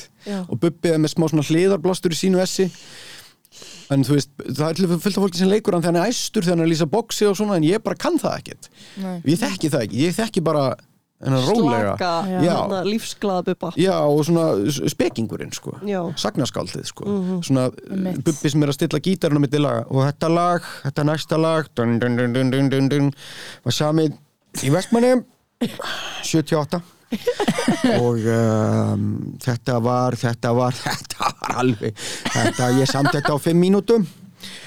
Þetta ekki hugið er því meistaraverk. Er Þessi fílingur sko. Eh, Þetta er oft þegar maður finnur bara eina afstuð þá er maður komið með svolítið svona gott, gott drive. Tilfinningilega afstæðan sko. Já, Já. það er með því spyrunum hann er ég með eitthvað skona leikara tækni, greinilega, sko. Mhm. Ah, Já, einmitt. Eh, Ég var að pæla í þessu með reyma sko Já. út af því að það er ekki allir reymar finnir. Nei, og það er, þú veist ég vil líka tekið eftir með þig sko að þú, þú gerir ekki mikið grín sko, þú gerir ekki grín niður. Þú sparkar upp. Já, ef maður svona reynir að vera allan ekki eitthvað anstíkilegur og leðilegur, sko. Nei, Og nei, nei, ég menna það er alveg fullt af reymum sem að maður, maður er ekkert að fara að gera grínað, sko. nei, Og uh, ég er bara mjög heppin að ég bara er með mjög, mjög svona ásættanleg skotmörk í mínum reymum, norðurlandar þjóðir og, og, og, og, og síðan sko englendingar og, frakkar og þjóðir, þetta er allt einhverjar, uh, einhverjar sakbytnar nýlendu þjóðir í Einmitt. Evrópu Bara- Nákvæmlega. ég held að daginn sem að það þykir ljótt að gera grína þýskum hreim, það er dagurinn það sem er fókið í flest skjól, því að þeir, eru, þeir fá að vera á skotmark held ég eins lengi og hægt er að gera grína einhverjum sko. en Já, sko við skulum ekki gleyma hvað þið jáðu á samvinskunni Já. Það má nú gera grína einhver fyrir ímislegt Og þjóðvírar eru bara, já, this is fair Þeir bara eru svo Já, já, ekkert mál, mega kulpa Ó, sko, alltaf Já. því ég er einn að gera þýskan reym þá fer ég óvart yfir í danskan Já. Þeir eru líka bara kem líkir að mörgu leiti En Já. þetta er sko, ég held bara Ég, tó, ég tek ekki endilega einhverja meðvitað ákvörun ég náttúrulega sleppi að nota eitthvað ef mér finnst það eitthvað ofljótt eða, eða þetta er særandi eða eitthvað svona sko. en oft er ég bara svolítið að reyna áttum á því á staðnum sko. bara, já, ég, ég oft byrja að þróa eitthvað sem ég segi, þetta er nú svona. Og mér þótt þótt alltaf leiðilegt að vera með svona einmitt, þetta þess að afstöðu að svona ha, gerum grína veikleikum þessa einstaklings. Já, það er fyndið. Þannig að mér sem svo ég hef aldrei verið að gera grín til þess að bubba fyrir að hann er skriftblindur. Það er Já. rosa frægt sko að hann, og hann hefur talað ógeðslega mikið um það. En ég var alltaf bara einhvern veginn já, já hann getur ekkert gert í því. Nei, ég ætla frekar að gera grínaði bara hvernig hann, hvernig hann er svona, hvernig, hann, hvernig hann talar og, og svona afstæða hans og hans sjálfsmynd, veist, það, það er miklu sangjarnar Það er líka ekki bara miklu skemmtilega að hlæja að því. Veist, annars fær maður alltaf svona eitthvað vonda tilfinningu held ég Já, og þetta er svona, þú veist, maður, maður lendi oft sem veislustjóri áður en ég hætti því alveg, ég var mjög fljótur að hætti því þá lendi maður oft í því að einhver tengilegur í fyrirtækinu kom, herruðu, svo er ég nú með hérna ymsa punta fyrir því hérna þú getur að látið vaða hérna og aðeins að gera grína liðinu og svo réttir að mann er eitthvað blað með einhverjum svona insight upplýsingum um fólk þá láttuðu þennan er að láttuðu þennan er og ég bara fyrir ekki að, ert þú að útvista eineltinu þínu? Já, er Já. ég bara einhver ráðinn inn hérna til að nýðast á einhverju fólki í þínu umbúði og Einmitt. ég, ég meikaði þetta ekki sko, ég var Nei. bara, já nei, nei, ég geri þetta ekki það kemur ekki til hvað fólk getur en ég gerði stundum grín að viðkomandi fyrir að hafa komið með blaðið. Maður má nefnilega alltaf gera grín að yfirmanninu já, já, sérstaklega ef það er einhver búli sko, þá verður verður bara skilda að gera grín að hann sko. Já, en ég held í síðu grunninn alveg frekar svona blíð sál sko, og vil, vil ekkert vesen sko. ég er bara, já, það er ekki bara allir vinnir og það er ekki bara ásvöldi gaman að þessu. En líka ég held bara að sögum með grínistar ég, er ekki einn af þessum grínistum sem að lítur á það sem svo að ég sé einhvers konar samfélagsrýnir sko, það er, mitt þing er bara, mér finnst úrslega gaman ef fólk hlær. Og ég hef bara alltaf verið þannig og eh, það eru bara aðri sem eru flinkar en ég í, í því að fara eitthvað svona jákvæða tækla ákveðin þemu. Já, já. og þetta er það sem mér finnst um heiminn og nú ætla ég, þú veist, já, bara, það hefur bara aldrei verið einhvern veginn í mér sko. Nei, Vá, ég held nefnilega alltaf að, sko, út af því að nú er maður ég er, ég, það, sko, það er alltaf svona lítill kallinn í mér sem er eitthvað prófaði nú aftur upp í stand prófaði nú aftur já, eitthvað. já, já. en sko, ég bara skil ekki hvernig maður á að, eða þú veist, af því í impróni fyrir maður verkfæri mér vantar bara svo mikið að fara á eitthvað svona námskeið eða þú veist, vinnur þú bara út frá þínu lífi eða Ó, guð. Ó, Ég sko, ég er oft, oft bara vinn ég bara út frá því sem ég er búin að vera að horfa við sjónvarpinu Mhm. Þú veist, ef allt klikkar á tala maður bara um bíómyndir eða eitthvað sem fólk þekkir já, eða bara maður fer og býr bara til eitthvað sem að, þú veist, það er oft gott að vera með eitthvað sem hefur einhverju breiða skýrskotun ég horfði John Mulaney upp í stundin gömlu. Hann talar eiginlega bara um bíómyndir og sjónvarp. Er bara tala um law and order og, og eitthvað svoleiðis sko. það er bara ógeðslega fyndið. Það er, það er eitt sem hann vinnur mjög mikið með það eru bara klesjur hann var að tala um að í svona sakamála þáttum þá er oft svona verið að þá er oft verið að yfirheyra einhvern sem er að vinna á sama tíma eins og maður sem getur ekki hægt að bera vörur úr bíl á meðan löggan er að yfirheyra hann. Bara eitthvað svona Oh, Tony Montana. Yeah, I remember him. Used to come in here on Wednesday. Sem er bara, hei, maðurinn var myrtur. Veist, getur ekki aðeins hægt að hlaða matvöru inn í veitingastæðin sko. Ó, hvað þetta fyndið, ég hef ekki pælt í þessu þetta er fáránleg People have been murdered. Já. Have some decency. Og þannig ertu að benda á eitthvað sem að allir vita.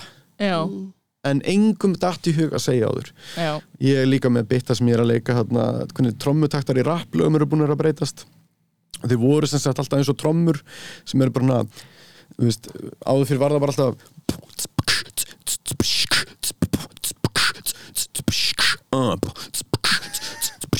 og ég bara leik þetta í smá stund. Og svo talaði um að sko í dag hljóma er miklu svona, við erum nettari taktarnir, hljóma er svo svona lítil konguló sem er svona kvíðin, hann tippla um svona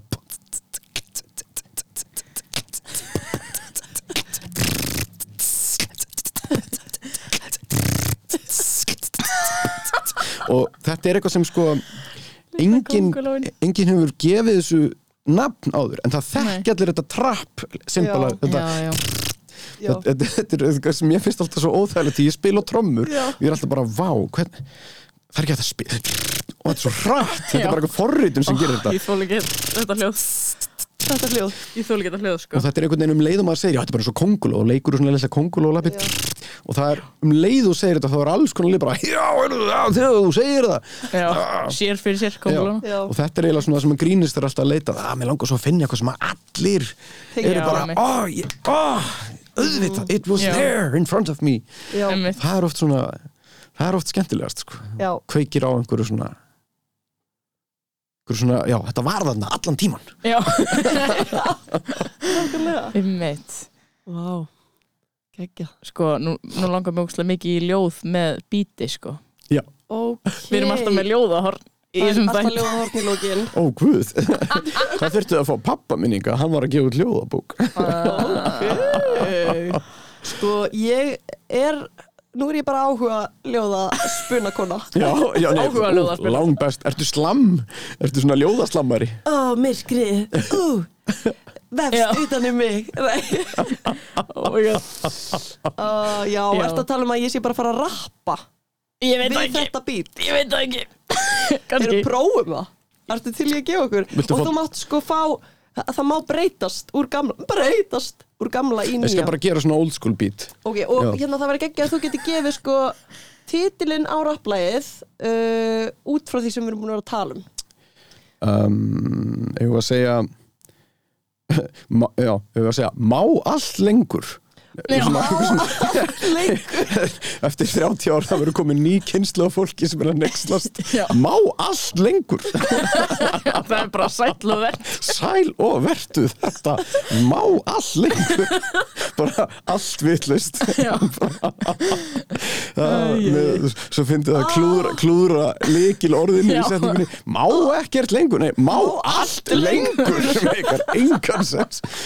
Er þá, er þá sko, er spurningin má allt lengur, má gera allt miklu lengur? Já, já, Já. allir það ekki já, Já, nei, það sem var áður 5 mínútur, það eru 15 núna. Má allt Má lengur allt lengur? Já. Það er bara komið nóg að þessu. Ó, þetta er að fokka svo mikið í hausnum á mér Setning. Má allt lengur, ok. Á ég að gera bítið Ég ætla að kynna Byrjar þetta inn. kynna inn Já, Já, verið hjartalega velkomin í Ljóðahort Bjarkar Guðmundsdóttur. Með mér hér í dag er Ari Eldjárn Hann ætlar að vera á bíti. Um, Þetta er ekki ljóðahort Þetta er að fara að vera rapplag. Rapphorn. Velkomin í Rapphort Bjarkar. Já. Það sem rapp hefur aldrei verið hvítara Gerið svo vel. Við getum kallað það Björk Böstar okay. Björk bestar Ah, yeah, come on. Ah. Má allt lengur. Hvað er að gerast hér í þjóðfélaginu í dag? Hei, hvað er sem gengur? Já, ég ætla að finna mitt fag. Ari hann er brjálaður hérna að rappa og búa til beat. Hei, hvað er að gerast? Það er komin rosa mikill hít Ó, yeah, ó, mm, í, a, ú, ú, ú, í, Ú, hér er lítið svín sem er sín og þetta er rosa mikið grín. Oh my god, ég held í alveg ég hef sko rappað. Þetta, ég hef aldrei rappað jafn illa, það verður bara að segjast. Ég er mjög hrifin af þessu með hvítasta rapp allra tíma. Já. Það er svona eins og spöggstofan alltaf þegar þeir gerðu rapp þá var það svo auglust að þeir hefðu aldrei hlustað á rapplag því að það var bara svona einhver skemmtara trómutektur og allur textin var bara um að vera að rappa sem er eitthvað sem að rapp hætti mjög fljótt snúast um sko. rapp var um það kannski fyrsta árið bara að þeirra hep, hap, að hebi, að hebi, duði, hep þá eru þeir svolítið að segja við erum að rappa því það er bara nýtt. En, þeir, en einhvern veginn það bara spöggstofan er 97 og þetta er bara eitthvað jó, við erum að rappa og klappa og stappa. Og það varð til happa að hún bara og maður bara svona, "Heyrðu, þú, þú ert eftir að brenna upp strax veist, við, förum og drekkum grappa þú veist, þú verður bara búið með rímorðin eftir smá stund sko. Þetta var uh, spöggstofu rapp í Já. búið Já. Bjarkar en, en það er ekkert skrítið því að sko Karl Ágúst náttúrulega samdi hérna skólarapp textan sko. Rapp, skólarapp, já sem er alveg bara nú er tími til að rappa því já og það var mikið happ þú veist það er bara rapp er gjörselega tapped out í rými þar sko reyndar frábær texti hérna, við, hvað var það hérna veistu hvað gerði 70 nei, veistu hvað gerði 40 og 4 veistu hver sagði hlýðin er svo fögur. Þú veist þetta er, eða er það öfugt? Þetta er, þetta er, þetta er sem sagt rapp um pensumið þetta er rapp um námskrána sko. Þetta er í raun, þetta er í raun algjör postmodernísk snild sko. Já, þetta er lag Já, og, og þetta lag var mögulega ekki einu svona rapplag upprunalega, þetta er eitthvað ítalst sumarlag eins og öll vinsa lög á Íslandi. Heyrðu, Oh ég meina God. pælingu, bara að til í það sko að ég komi með lélegasta bít hérna veraldar og þú takir eitt vers ok, Ertu, Ok. ertu til í það? ég skal reyna Og titillin er hérna vertu, nei, ekkert, nei sæll og vertu Ok Mhm. Púts, Já, uh, uh, geti ég fengið það að tala við þann stýrir, þann sem stýrir bátan námskeiðinu? Sko ég, ég gæti þetta ef ég myndi æfa mig. Mjög gott. Ég geti náttúrulega reynda að gera líka hérna svona Úlfur Úlfur rap, verið bara svona oh, Já, gæti já, svona- hvernig eru þið ofta? Já, já, það, það snýst allt um að taka hérna 1, 2, 3, 1, 2, 3, 1, 2, 3, 1, 2, já, 3 já, Það er svona svona, tríólur. Já, bara bum, er svona, svona hæg og hörð bít og svona. Hvernig er það? Er hægt að koma hér? Hérna hnetusmjör er frábær í þessu líka. Já, já. Hvernig getur maður farið að koma hérna? Hvernig getur maður farið að gæri hver Það er í hérna já. Það er eins og hann sé að skatta. Það er ekki eins og hann sé að rappa. Hann fyrir bara í ekki Fyrir það sem eru með dæluleikir það er hægt að fá eitthvað bara. Takk fyrir hann afstand Ég hef aldrei séð þessu auðlýsingu Ég hef bara séð myndirnar sko. Þú þarfst að hlusta á þetta sko. Því hann svona tvöfaldar hraðan allt í einu Og þá er hann bara að skatta. Það heyrðist bara skapara búbiru. Hann er ekki að segja Ó, orð. kannski er hann bara eitthvað, hann byrja bara eitthvað Eftir hann þreytir hann Já. Svona Hægt að plata þig. sko. Nei, Ég hlustaði á lag með honum og hann MC Gauta þarna, Þetta má Þetta má Það er alveg svakalegt. Það sem hann, er að netus mjög rappar þar. Það er svo Já. Og þarna, þetta er alveg stórskjæð þetta er náttúrulega svo mikil, svo mikil mælskulist sko, að vera svona Já. ógeðslega fara svona ógeðslega ein- það er eiginlega eina lagi sem ég kunni einhver tíma texta með hann það var hérna lagi Keira. Það, Já. Hann er eitthvað að tala um að sumir halda þér sé eitthvað flottir en þeir eru nú með litla tekjur við hlýna mér sko. og það var eitthvað, þið aldeiris flottir og villi gutum þið getið ekki borga, tollina mínum fötum. Það kvittar fyrir mig sem er sko svona, svona djöfull tók ég bara þetta er svona QED sem sanna skildi. Ég er búinn að leysa dæmi. Þið getið ekki borga tollina mínum fötum. Með svo gæð og svo er þetta allt svona þetta er, leika sem er svo skemmtilegt í íslensku rapparana er að þeir eru allir með þann fyrirvara, þetta sé grín líka. Já, já. Þeir eru alltaf með það fyrirvara sko, þetta er sko Cowboy, þú veist, við erum við erum frá Cowboy en það er, það er samt líka bara Cowboy sko, þú Einmitt. veist, þetta er bara en við tölum um Hamraborgina eins og hún sé bara, þú veist. Ah, Brooklyn. Já, þetta er bara, þetta er svo þetta er svo, mér finnst þetta svolítið svona smart. Já, þetta er það. einmitt. Og kannski líka, um eitt, var Erpur kannski smá svona bröðviðandi í þessu sko, svona, tala upp eitthvað svona stolt á einhverjum lokal íslenskum hlutum Já, já. Samt í gríni sko. Já. Þú veist, þeir eru alltaf að tala um Havana Club, þeir eru alltaf með þetta glam en svo Já. er þetta bara, þetta er einhver gaur og bara einhverjum klíraból Já. einhverjum, einhvern fataskáp fullan einhverjum flöskum, þetta er bara eitthvað dót úr fríöfninni Já, einmitt. Þetta er skemmtilegt sko. Er þetta ekki einmitt bara svolítið það sem þú veist að tala um á þann að vera fyndin frekar en töff eða þú veist, Jú. þá get, þú getur alltaf laðið grínið einhvern veginn. Það er svona, svona, svona Gunnar Þorðarsson sagði við Latta, Latta ætlaði að gera fyrstu sóluplötunum sína átti bara að vera popplata Já, búkolla á þessi lög, þetta eru bara svo flott lög, en Gunni var ekki að ég myndi að hafa sem grínplötu líka sko, þá getur alltaf sagt sko, poppi klikkar, að það er bara verið djók sko Ég man mjög mikið af þessum mymböndum með, með þarna mitt, þetta, þetta á mámymböndi þetta er rosa mikið bara einhver svona slow motion skot af þeim að sveifla gullkeðum um hálsin og reikspól á einhverjum bílum og, og veipa og eitthvað svona. Og þetta er bara Þetta er ókýrslega bara eins og skett Já, þetta er, þetta er svona sami effekt og steindi fekk, hann var alltaf að rappa og þetta er allt grín, en þetta er samt alveg líka dálítið töff. Já. þannig að þú farið bæði því Já, sko. Þetta er alltaf að nei, þetta er nú allt, þetta er nú allt saman í smá skens. Já, já, það er grín. Ég er En samt- er þetta samt ekki smá töf? Flottur Hún getur ekki, kall. getur ekki borga tollina mínum fötum. Sko, maður verður að vera svolítið góður í búkljónu þegar maður er rappari, sko.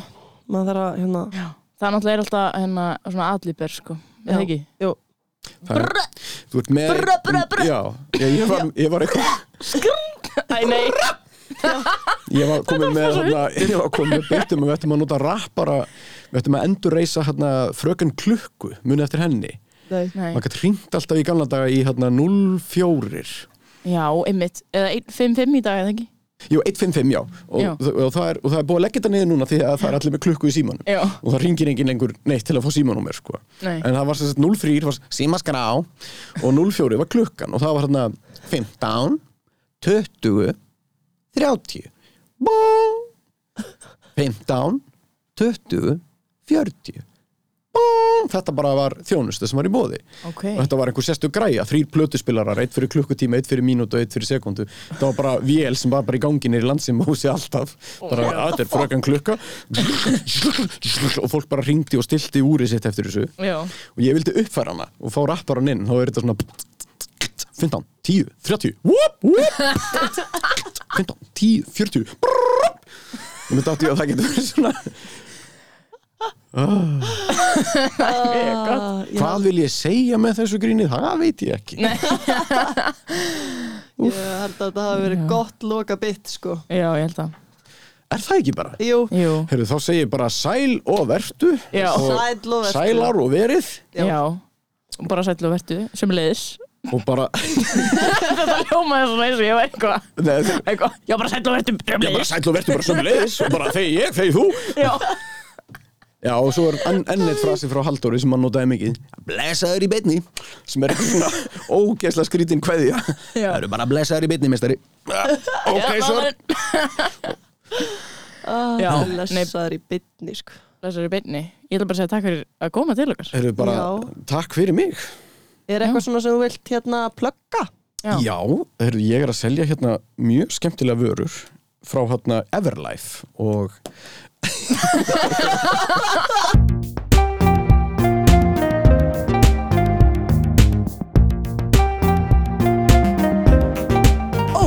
ó.